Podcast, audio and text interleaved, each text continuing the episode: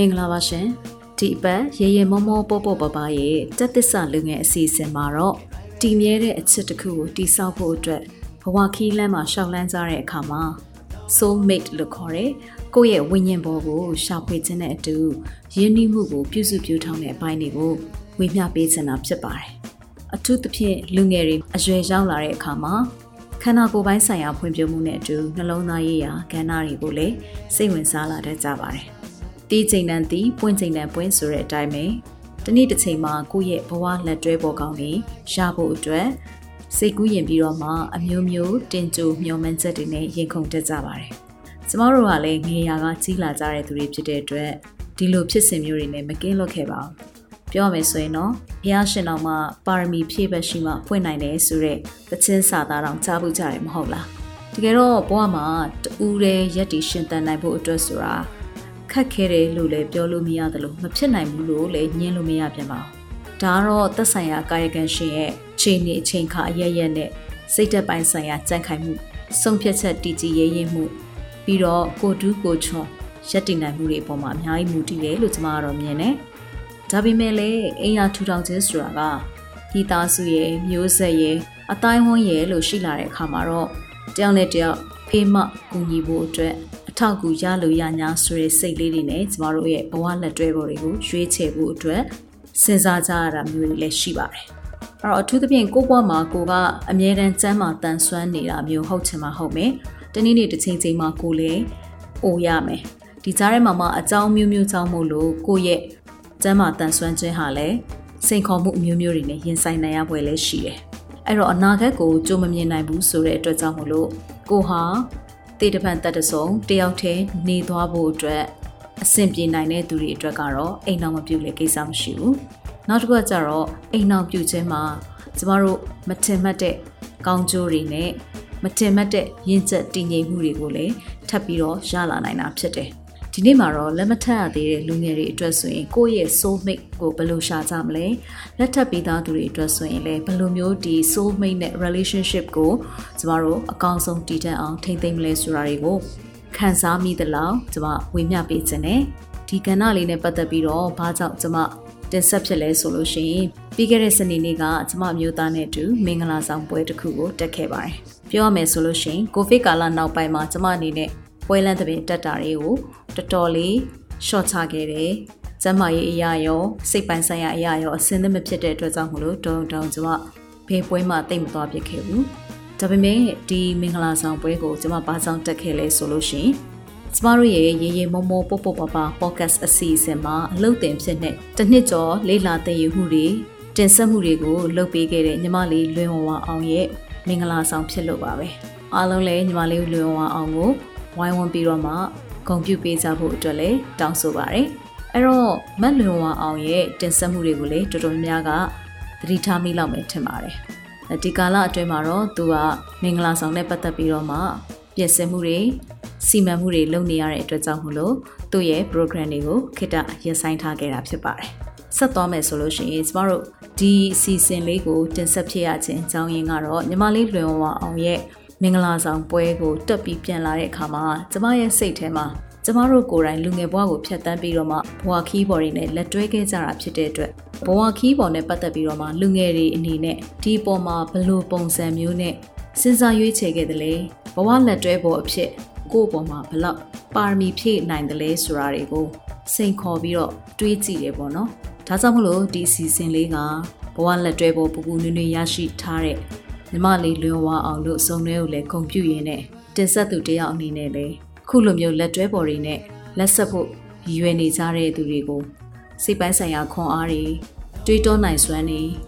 စဉ်းစားဆုံးဖြတ်နိုင်စွမ်းတွေရွေးချယ်နိုင်ခွင့်တွေမှန်ကန်ဖို့အတွက်ကျမအနေနဲ့ခုလိုဝေမျှပေးခြင်းစိတ်ဖြစ်ပေါ်ခဲ့ပါတယ်။ကဲဒါဆိုရင်တော့ကိုယ့်ဘဝမှာလက်တွဲပေါ်အဖြစ်ရှိမှန်းထားတဲ့သူတွေရှိတယ်ဆိုရင်ဒါမှမဟုတ်လက်ရှိ ကိုနဲ့မေတ္တာမျှနေတဲ့သူနဲ့ရေရှည်လက်တွဲသွားဖို့အတွက်စဉ်းစားရဲဆိုလို့ရှိရင်ဒီအစီအစဉ်လေးကိုဆက်ပြီးတော့နားထောင်နိုင်ပါတယ်။ဒါမှမဟုတ်ကို့မှာလက်တွဲပုံမရှိသေးပေမဲ့ဘယ်လိုပုံစံမျိုးစဉ်းစားတွေးတောတဲ့လဲဆိုတာကိုသိချင်တယ်ဆိုရင်လေဒီစီစဉ်လေးကိုဆက်ပြီးနားထောင်နိုင်ပါတယ်ရှင်။ကျွန်မကတော့စီစဉ်တင်ဆက်သူနှွေးစာချီဆိုဖြစ်ပါတယ်။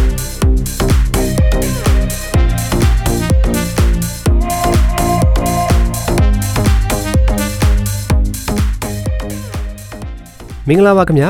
ရီမမောပေါ်ပပရဲ့အပတ်စဉ်ဗုဒ္ဓဟူးနေ့တိုင်းမှာတင်ဆက်နေကြဖြစ်တဲ့တက်သစ္စာလူငယ်ကဏ္ဍကနေကြိုဆိုလိုက်ပါတယ်ဒီ podcast ကတော့မြမလူမှုနယ်ပယ်ကစိတ်အားတက်ကြွပွဲဇလန်းအစုံကိုအများသူငါကိုမတန်ဆွမ်းမှုအသိပညာမြင့်တင်ပေးဖို့အတွက်လွတ်လပ်တဲ့တွေးခေါ်ဆင်ခြင်နိုင်မှုတွေနဲ့အတူမျှဝေလိုချသူတွေရဲ့အတန်တွေကိုပြုစုပြောထောင်ဖို့တည်ထောင်ထားခြင်းဖြစ်ပါတယ်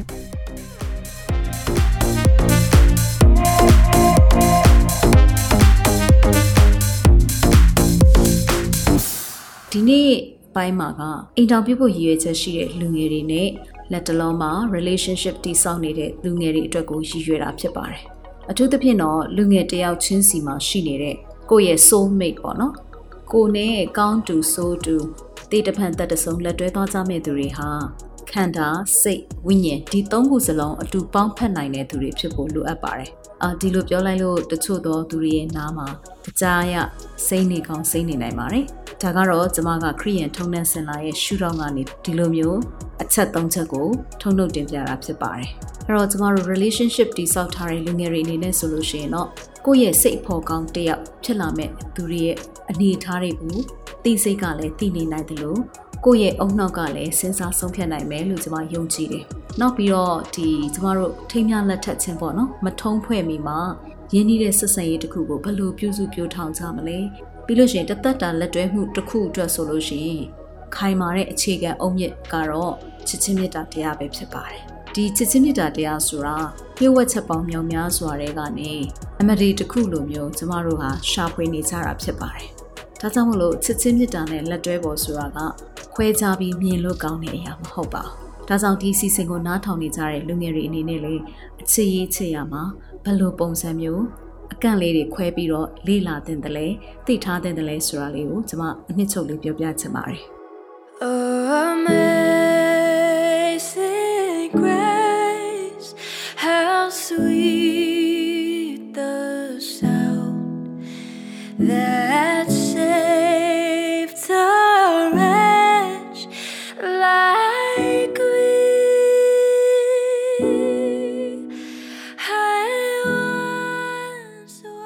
ထမပိုင်းအနေနဲ့ဆိုရင်တော့ကိုယ့်ရဲ့ soul mate ကိုဘယ်လိုခွဲခြားသတ်မှတ်မလဲပေါ့နော် soul mate ဆိုတာကတော့ကိုယ့်ရဲ့ချစ်ချင်းမြတ်တာတရားနဲ့ပတ်သက်ပြီးတော့မှထိတွေ့ပေါင်းသင်းဆက်ဆံဖို့အတွက်တင့်တော်တဲ့သူတွေကို soul mate လို့ကျွန်မကဆိုလိုချင်တာဖြစ်ပါတယ်အဲ့တော့တစ်ချိန်ချိန်မှာအရွယ်ရောက်လာလို့ရှိရင်ဘယ်သူမှရည်စားဘဝနဲ့ပဲဒီ relationship ကိုထိန်းသွားတာမျိုးမဟုတ်ဘဲနဲ့တော်တော်များများကအိမ်တောင်ပြုပြီးတော့မှအတူနေကြပါတယ်အဲ့တော့ဒီအိမ်တော်ရေးလမ်းကြောင်းကိုရှောက်လန်းဖို့အတွက်ရည်ရွယ်ထားတယ်ဆိုရင်တော့ ကိုယ့်အတွက် soul mate ဟာမရှိမဖြစ်လိုအပ်ပါတယ်။လူတစ်ယောက်ဟာကိုယ့်ရဲ့ soul mate ဟုတ်လားမဟုတ်လားကိုဘယ်လိုခွဲခြားကြည့်မလဲပေါ့နော်။အဓိကတော့လူနှစ်ဦးပေါင်းဆက်ရတာဖြစ်တဲ့အတွက်ကြောင့်မို့လို့ကျမတို့ကတစ်ဖက်သက်ရှုမြင်လို့မရသလိုပူပေါင်းဆောင်ရွက်နိုင်ဖို့လည်းလိုအပ်ပါတယ်။နံပါတ်1အချက်ကတော့ဘာတွေကိုတန်ဖိုးထားကြတယ်လဲ။ဘယ်လိုမျိုးရှီမန်ချက်ပန်းနိုင်လေးရှိလဲ။ဒါတွေကိုအပြန်အလှန်ဝေမျှထားဖို့လိုပါတယ်။အဲ့တော့ကိုယ့်ဘဝမှာရှိတဲ့တန်ဖိုးထားမှုတွေ ကိုယ့်ဘဝရဲ့ပန်းနိုင်တွေကိုလိုက်ရောညီထွေဖြစ်အောင်ရည်ရွယ်ချက်ရှိရှိနဲ့ပူးပေါင်းဆောင်ရွက်ဖို့အတွက်နှစ်ဦးနှစ်ဖက်အပြန်အလှန်စူးစမ်းလေ့လာတတ်ဖို့လိုပါတယ်။ကိုချစ်သူရဲ့ရည်မှန်းချက်ကပါလေ။ကိုချစ်သူကဘလို့တွေတန်ဖိုးထားလဲ။သူကိုယ်တိုင်ရောအဲ့ဒီတန်ဖိုးတွေနဲ့တသားတဲ့ကြောက်အောင်ဘလို့ပြုတ်မှုနေထိုင်လဲဆိုတဲ့ပုံမှာလေ့လာရတာဖြစ်ပါတယ်။ဒီလိုလေ့လာဖို့အတွက်ဆိုလို့ရှိရင်ကျမအနေနဲ့ကတော့အနည်းဆုံးတစ်နှစ်ကနေအများဆုံး10နှစ်လောက်ထိရှိစီချင်ပါတယ်။ ဘာကြောင့်လဲဆိုတော့ကြာလာလေလူတယောက်ရဲ့ဟန်ဆောင်ဖုံးကွယ်မှုတွေကပျောက်သွားပြီးတော့မှပဂရိအရှိတရားတိုင်းမြင်လာနိုင်လို့ဖြစ်ပါတယ်။ဒါကြောင့်မလို့ကြာကြာတွဲလေတယောက်နဲ့တယောက်တန်ဖိုးထားမှုတွေပန်းနိုင်နေတကယ်တူတယ်ဆိုလို့ရှိရင်ခွဲမရနိုင်အောင်ဖြစ်တတ်ပါတယ်။ Every touch feels like a body rush. Every breath feels like falling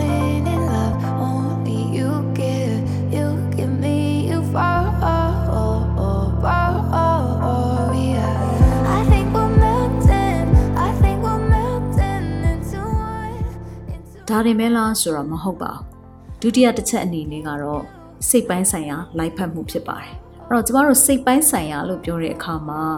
တယောက်နဲ့တယောက်စိတ်သဘောထားချင်းတိုက်ဆိုင်ဖို့ဆိုတာကတတော်တော်လေးခက်ခဲတဲ့အရာဖြစ်ပါတယ်အနည်းဆုံး90ရာခိုင်နှုန်းနဲ့အထက်စိတ်သဘောထားတိုက်ဆိုင်နေပြီဆိုရင်ဒါဟာတော်တော်လေးကိုအခြေအနေကောင်းတယ်လို့ကျွန်မခံမှန်းမိတယ်ပေါ့နော်။ရာခိုင်နှုန်းအပြည့်တော့ကျမတို့တယောက်နဲ့တယောက်စိတ်သဘောထားတစ်ထက်တည်းကြကြမှကြပါလိမ့်မယ်။ ဘာကြောင့်လဲဆိုတော့ကျမတို့ဖြတ်တန်းလာတဲ့ဘဝအတွေ့အကြုံတွေကျင်လည်လာတဲ့ပတ်ဝန်းကျင်တွေလေ့လာသင်ယူစီးပူးမှုတွေမတူကြတဲ့အတွက်ကြောင့်မို့လို့စိတ်ပိုင်းဆိုင်ရာမှာတစ်ထက်တည်းကြဖို့အတွက်ခဲရင်ပါတယ်။ဒီလိုပြောလို့စိတ်ပိုင်းဆိုင်ရာလိုက်ဖက်မှုမရှိတဲ့လူတွေက90ရာခိုင်နှုန်းအောက်မှာရှိတယ်လို့ကျွန်မမဆိုလို့ချင်ဘူးစိတ်သဘောထားချင်းမတိုက်ဆိုင်ကြပေမဲ့လည်းအမြဲတမ်းလက်ပွန်တတီအပြန်အလှန်ထဲသွင်းစဉ်းစားမှုတွေနဲ့ဆက်လက်ပြီးတော့ယက်တည်သွားနိုင်ကြတဲ့ relationship တွေ အိမ်တောင်တွေလည်းအများကြီးရှိတယ်လို့ကျွန်မမြင်ပါတယ်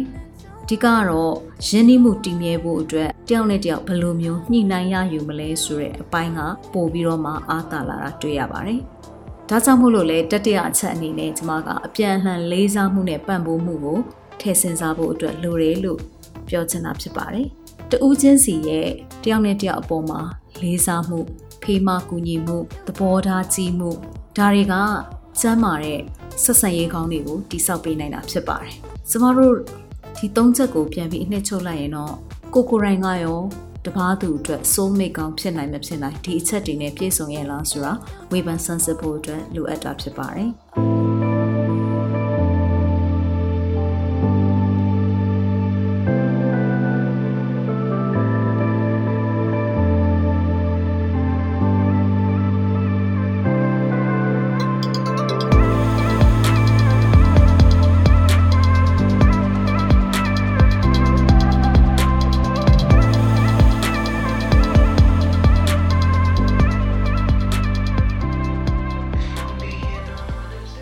Okay ဒါဆိုကျမတို့ soul mate တွေကိုရှာတွေ့သွားပြီဆိုပါစို့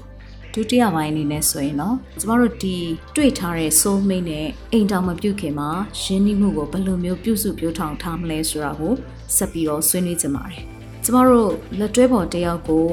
ခုကြိုက်အခုယူလို့ရတဲ့သူဆိုတာရှားပါတယ်ဒါကြောင့်မလို့ဒီအိမ်တောင်မပြုတ်မီမှာကျမတို့ဘလောက်ကာလအပိုင်းခြားတီတယောက်နဲ့တယောက်ရင်းနှီးမှုကိုပြုစုပြောထောင်ရင်းနဲ့ ကိုယ့်ရဲ့ soul mate ဟုတ်မဟုတ်အကဲခတ်ကြမလဲပေါ့နော်တကယ်လို့ကိုက soul mate လို့သတ်မှတ်ထားပြီးပြီဆိုလို့ရှိရင်လေသူနဲ့ဘယ်လိုပုံစံမျိုးရင်းနှီးမှုကိုဆက်ပြီးတော့ထိန်းထားမလဲဆိုတာကို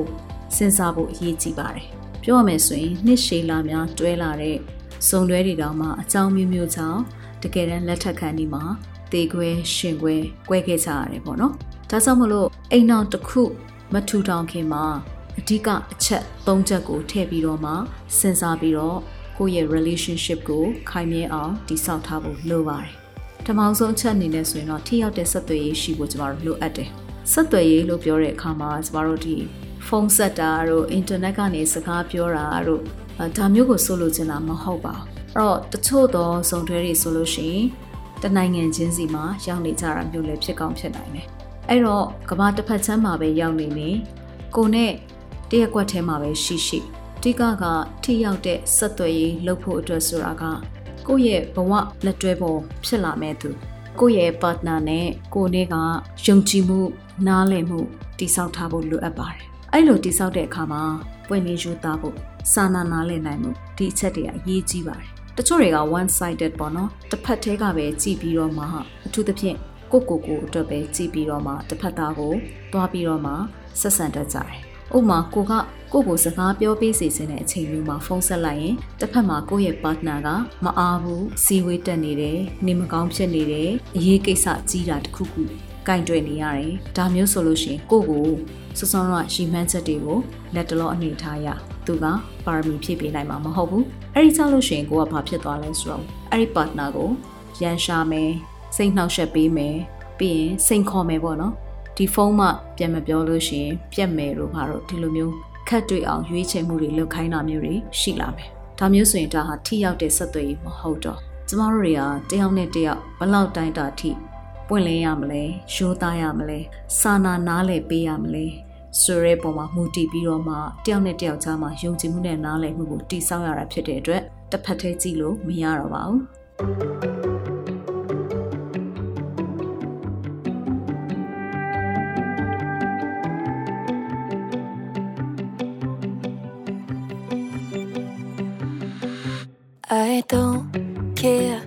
much about anything. The the only thing that matters to me is you.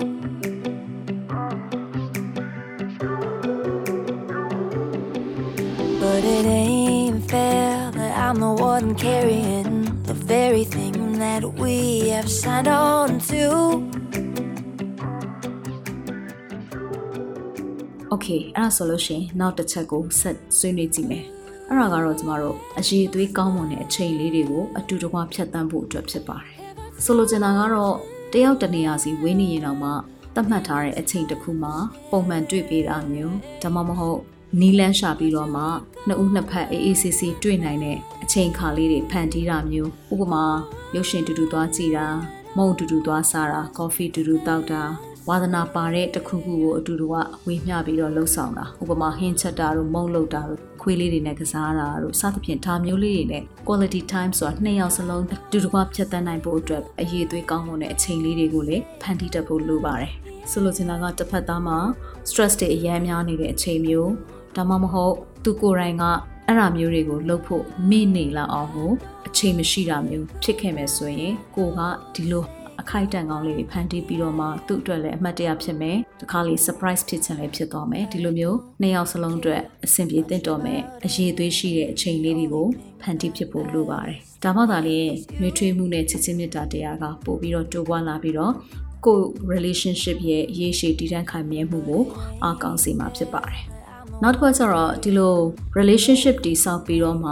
လက်ထပ်ချင်းမပြုတ်ခင်ကာလအတွင်းမှာ ဘဝရဲ့အနည်းမြင့်အတက်ကြတွေအမျိုးမျိုးကိုခံနိုင်ရရှိဖို့လိုပါတယ်။အဲ့လိုခံနိုင်ရရှိဖို့အတွက်ဆိုလို့ရှိရင်တယောက်နဲ့တယောက်စိတ်ပိုင်းဆိုင်ရာထိကိုက်လွယ်စေမဲ့အကြောင်းအရာတွေကိုရှောင်ရှားနိုင်ဖို့လိုပါတယ်။ဘဝအနည်းမြင့်အတက်ကြတိုင်းမှာဖြစ်လာမဲ့ရိုက်ခတ်မှုတွေကြောင့်မို့လို့ကြောက်ရွံ့မှုတွေဒါမှမဟုတ်ဆန္ဒတွေဒါအပြန်အလှန်သိထားမယ်ဆိုလို့ရှိရင်တယောက်နဲ့တယောက်အကာအကွယ်ပေးလို့ရတယ်လက်တွဲခေါ်ယူလို့ရတယ်နှွေးထွေးတဲ့မေတ္တာတရားကိုပို့ပြီးတော့မှ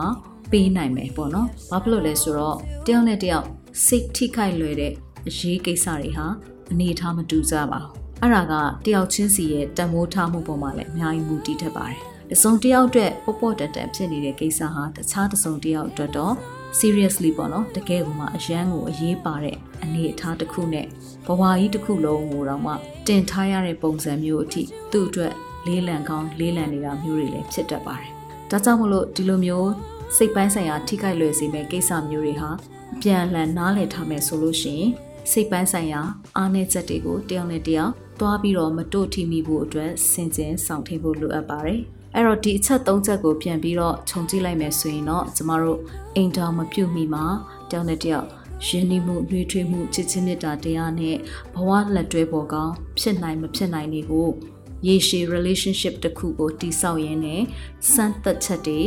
အောင်မြင်နိုင်ဖို့အတွက်ဒီအချက်ကောင်းလေးတွေကိုမမေ့ဖို့လိုအပ်ပါတယ်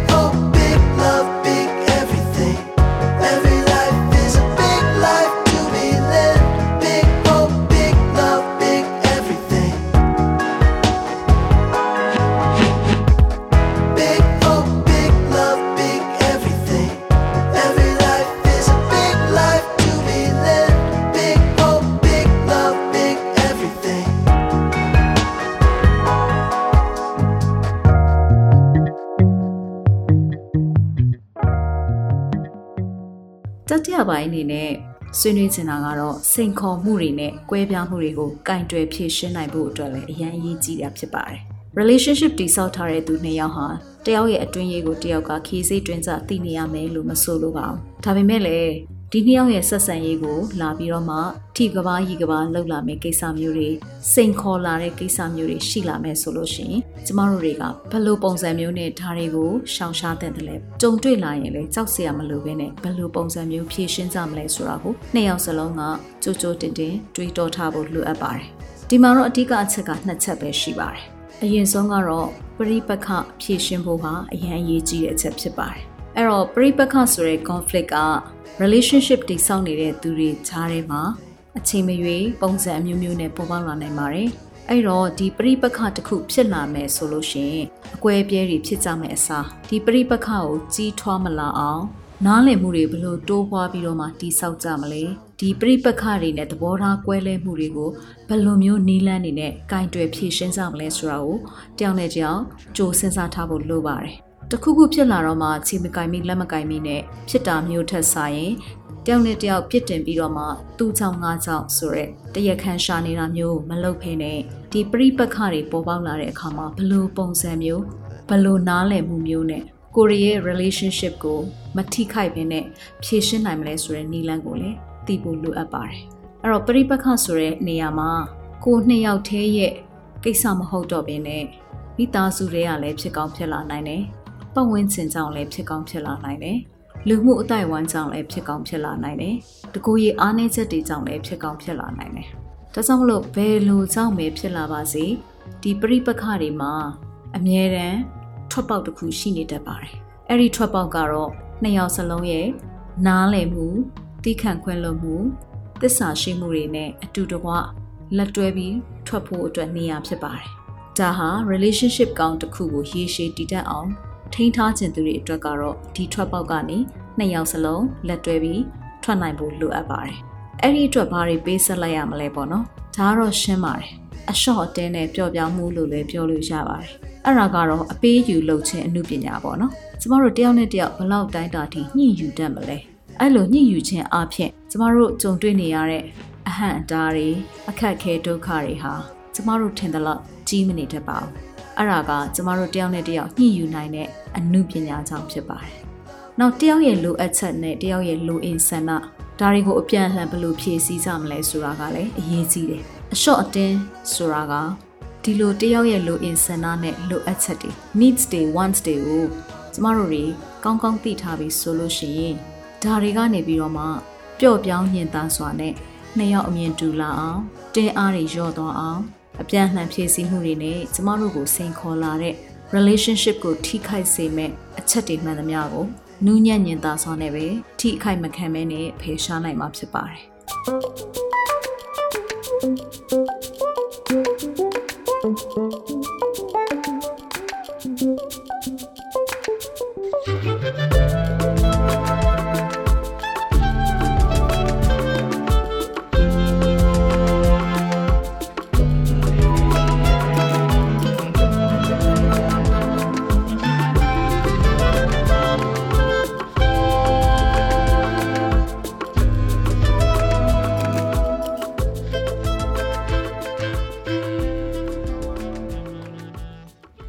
စတုထပိုင်းအနေနဲ့ဆိုရင်တော့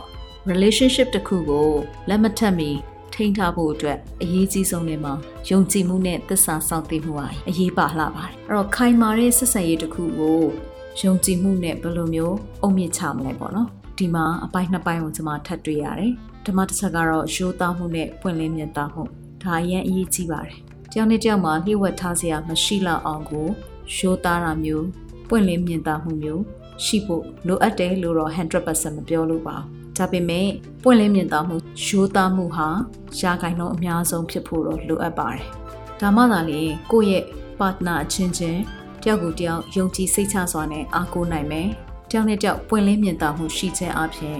လူချင်းတသားတကိုယ်တည်းမဖြစ်ခင်မှာစိတ်ချင်းကတသားတကိုယ်တည်းဖြစ်နေဖို့လိုအပ်ပါတယ်ဒီအကြောင်းအရာကိုထပ်ပြီးတော့မှ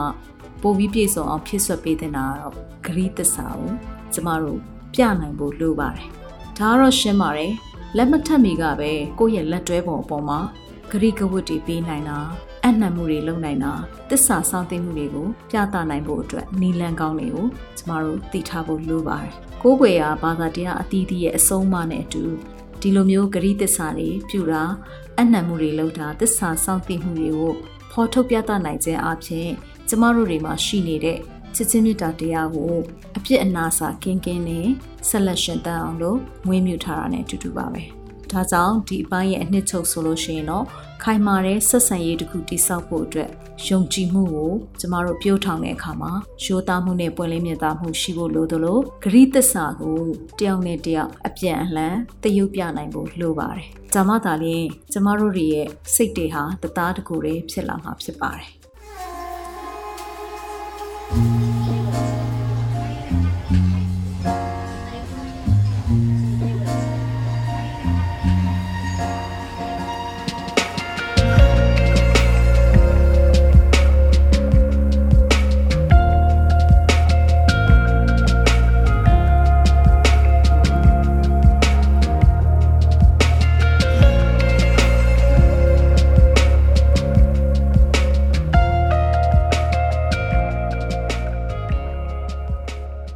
ပြင်စမပိုင်းအနေနဲ့ဆိုရင်တော့ကျမတို့တွေဟာတယောက်နဲ့တယောက် boundary ပေါ့နော်နယ်နိမိတ်လေးတွေသတ်မှတ်ထားမယ်ပြီးရင်အနာဂတ်အစီအစဉ်လေးတွေကိုပုံဖော်ထားမယ်ဆိုလို့ရှိရင်ကျမတို့လက်ထပ်ထိမ်းများခြင်းထုံးဖွဲ့ခြင်းမပြုခင်မှာအကောင်းဆုံးတယောက်နဲ့တယောက်ကိုရီကိုသွေးပြပြဝဝနဲ့ဆက်ဆံရေးကိုပိုင်ပိုင်နိုင်နိုင်တိစောက်ထားနိုင်မှာဖြစ်ပါတယ်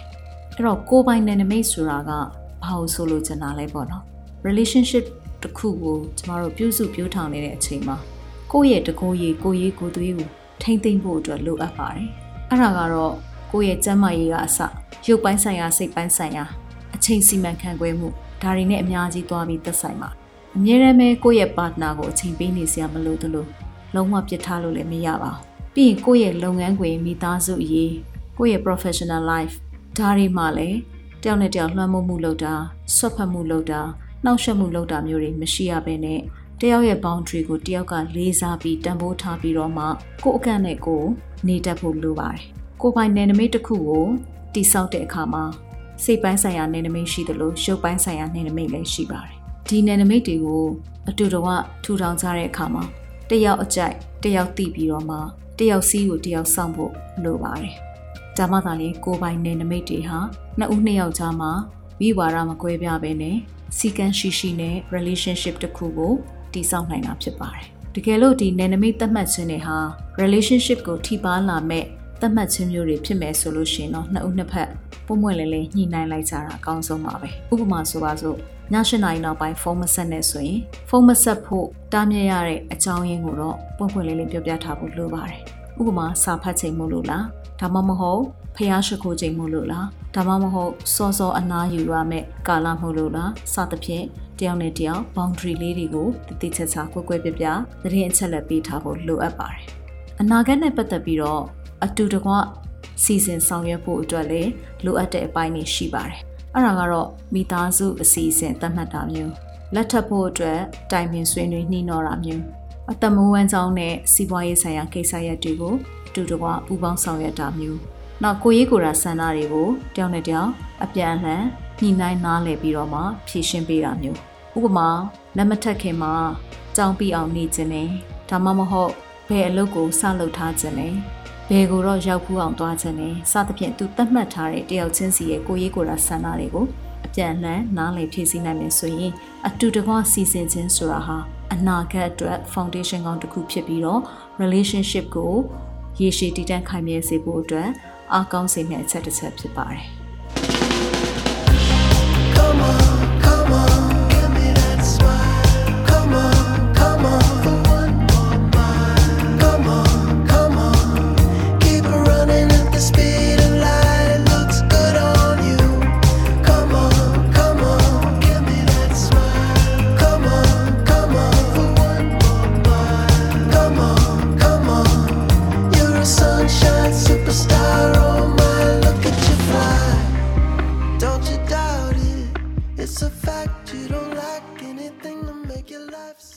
ချုပ်အားဖြင့်ပြောရမယ်ဆိုရင်တော့ကိုယ့်ရဲ့လက်တွဲပေါ်တွေနဲ့ရေရှည်လက်တွဲလာတဲ့သူတွေကအိမ်တော်ဘက်အဖြစ်နဲ့ထိမ်းမြလက်ထပ်မှုပြုချင်တယ်ဒီလိုခန္ဓာတွေမှာ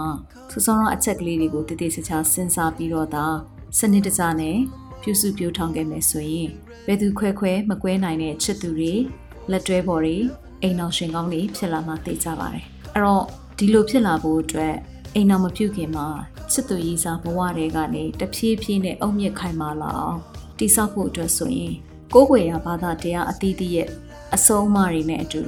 ကိုယ့်ရဲ့မေတ္တာရေးရလမ်းကြောင်းတွေကိုဒီဇိုင်းမမတ်ဖော်ဆောင်လာမယ်ဆိုရင်10နှစ်မကဘယ်နှစ်နှစ်ပဲတွေ့တွေ့အဲ့ဒီချစ်သူနှစ်ဦးဟာတစ်နေ့ပေါင်းစည်းလာနိုင်မှာဖြစ်ပါတယ်ဘလို့ရုပ်ပိုင်းဆိုင်ရာစိတ်ပိုင်းဆိုင်ရာအတားအဆီးတွေပဲရှိရှိဒီချစ်သူနှစ်ဦးရဲ့ခန္ဓာစိတ်ဝိညာဉ်ဒီသုံးပါးစလုံးကိုဘယ်သူမှခွဲခွာလို့မရနိုင်တော့တဲ့အထီကိုပေါင်းစည်းသွားမှာဖြစ်ပါတယ်။ဒီနေ့ ကိုယ့်ရဲ့လက်တွဲပေါ်အဖြစ်နဲ့လူရှိဖျားရှိမှာလက်ထပ်ပေါင်းတဲ့အခါမှာလေတေတူရှင်မကွာနဲ့ဘဝလန်းခရီးမှာအမြင့်ကိုရောက်သွားရင်လေလက်တွဲမဖြုတ်ဘူးလို့သလိုနှိမ်ကျသွားတဲ့အခါမှာလေဖမ်းဆုပ်ထားဖို့အရေးကြီးပါတယ်။ကိုယ့်ရဲ့ relationship နဲ့အိမ်အောင်ရေးကိုထိခိုက်လာမဲ့စိန်ခေါ်မှုတွေမှန်သမျှကိုယုံကြည်ချက်ဆိုတဲ့အခြေခံအုံမြစ်တွေချစ်ချင်းမြတ်တာဆိုတဲ့အကအယံနဲ့သစ္စာရှိမှုဆိုတဲ့အမိုးနဲ့သာမိုးထားမယ်ဆိုရင် ဒီအိမ်တော်ရေးဟာတကယ်ပဲခိုင်မာပြီးတော့မှထာဝရချစ်ချင်းနေစီကိုရှောက်လန်းနိုင်မယ်လို့ကျွန်မကညွှန်ဆိုချင်တာဖြစ်ပါတယ်ချစ်ချင်းမြတ်တာရဲ့စွမ်းအားကိုမိတ်ဆွေတို့ဟာရှော့မတက်ဖို့လိုတယ်လို့ကိုယ့်ဘဝရဲ့အနာဂတ်ခရီးတွေတာယာဖြောင်ပြဖို့အတွက်ဆိုရင်တယောက်နဲ့တယောက်အပြန်လှန်ယုံကြည်မှုတွေတည်ဆောက်ပြီးတော့မှလက်ထက်တဲ့ကာလအထိသစ္စာရှိရှိပြန်လှန်ဖေးမှရက်တည်ဖို့အတွက်အရန်အရေးကြီးတယ်ဆိုတာကိုဒီအနှစ်ချုပ်အချက်ကလေးတွေနဲ့ကိုးကားပြီးတော့မှပြောပြပေးချင်တာဖြစ်ပါတယ်။ လက်ရှိမှာ relationship ရှိကြတဲ့သူတွေမိမိရဲ့လက်တွဲပေါ်နဲ့လက်ထပ်ထားကြတဲ့သူတွေအနေနဲ့ဒီအချက်တွေထဲမှာ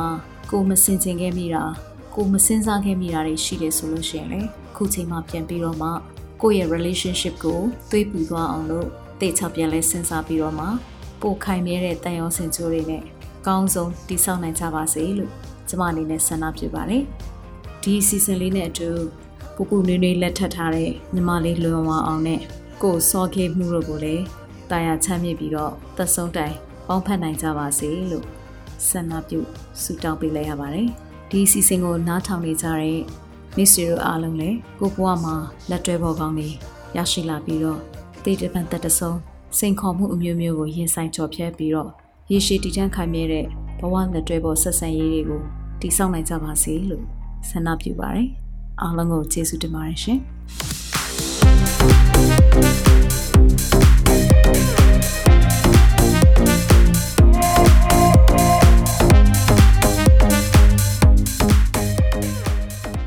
ကျွန်တော်တို့ရဲ့ရီရီမောမောပေါ့ပပ pocket အစီအစဉ်မှာအလုတ်တင်အဖြစ်ဖန်တီးမှုမျိုးစုံကိုလက်စွမ်းပြလှုပ်ဆောင်ဖို့စိတ်ပါဝင်စားသူများအနေနဲ့ Google Form ကနေပြီးတော့မှမိမိတို့ရဲ့မှတ်ပုံတင်ရှေ့နောက်နဲ့အလှဓာတ်ပုံတစ်ပုံအပြင်နမူနာလက်ရာတစ်ခုနဲ့အမြန်ဆုံးရှောက်ထားကြဖို့ဖိတ်ခေါ်လိုက်ပါတယ်။နောက်တစ်ပတ်ဗုဒ္ဓဟူးနေ့မှာပြန်ဆောင်ကြရအောင်နော်။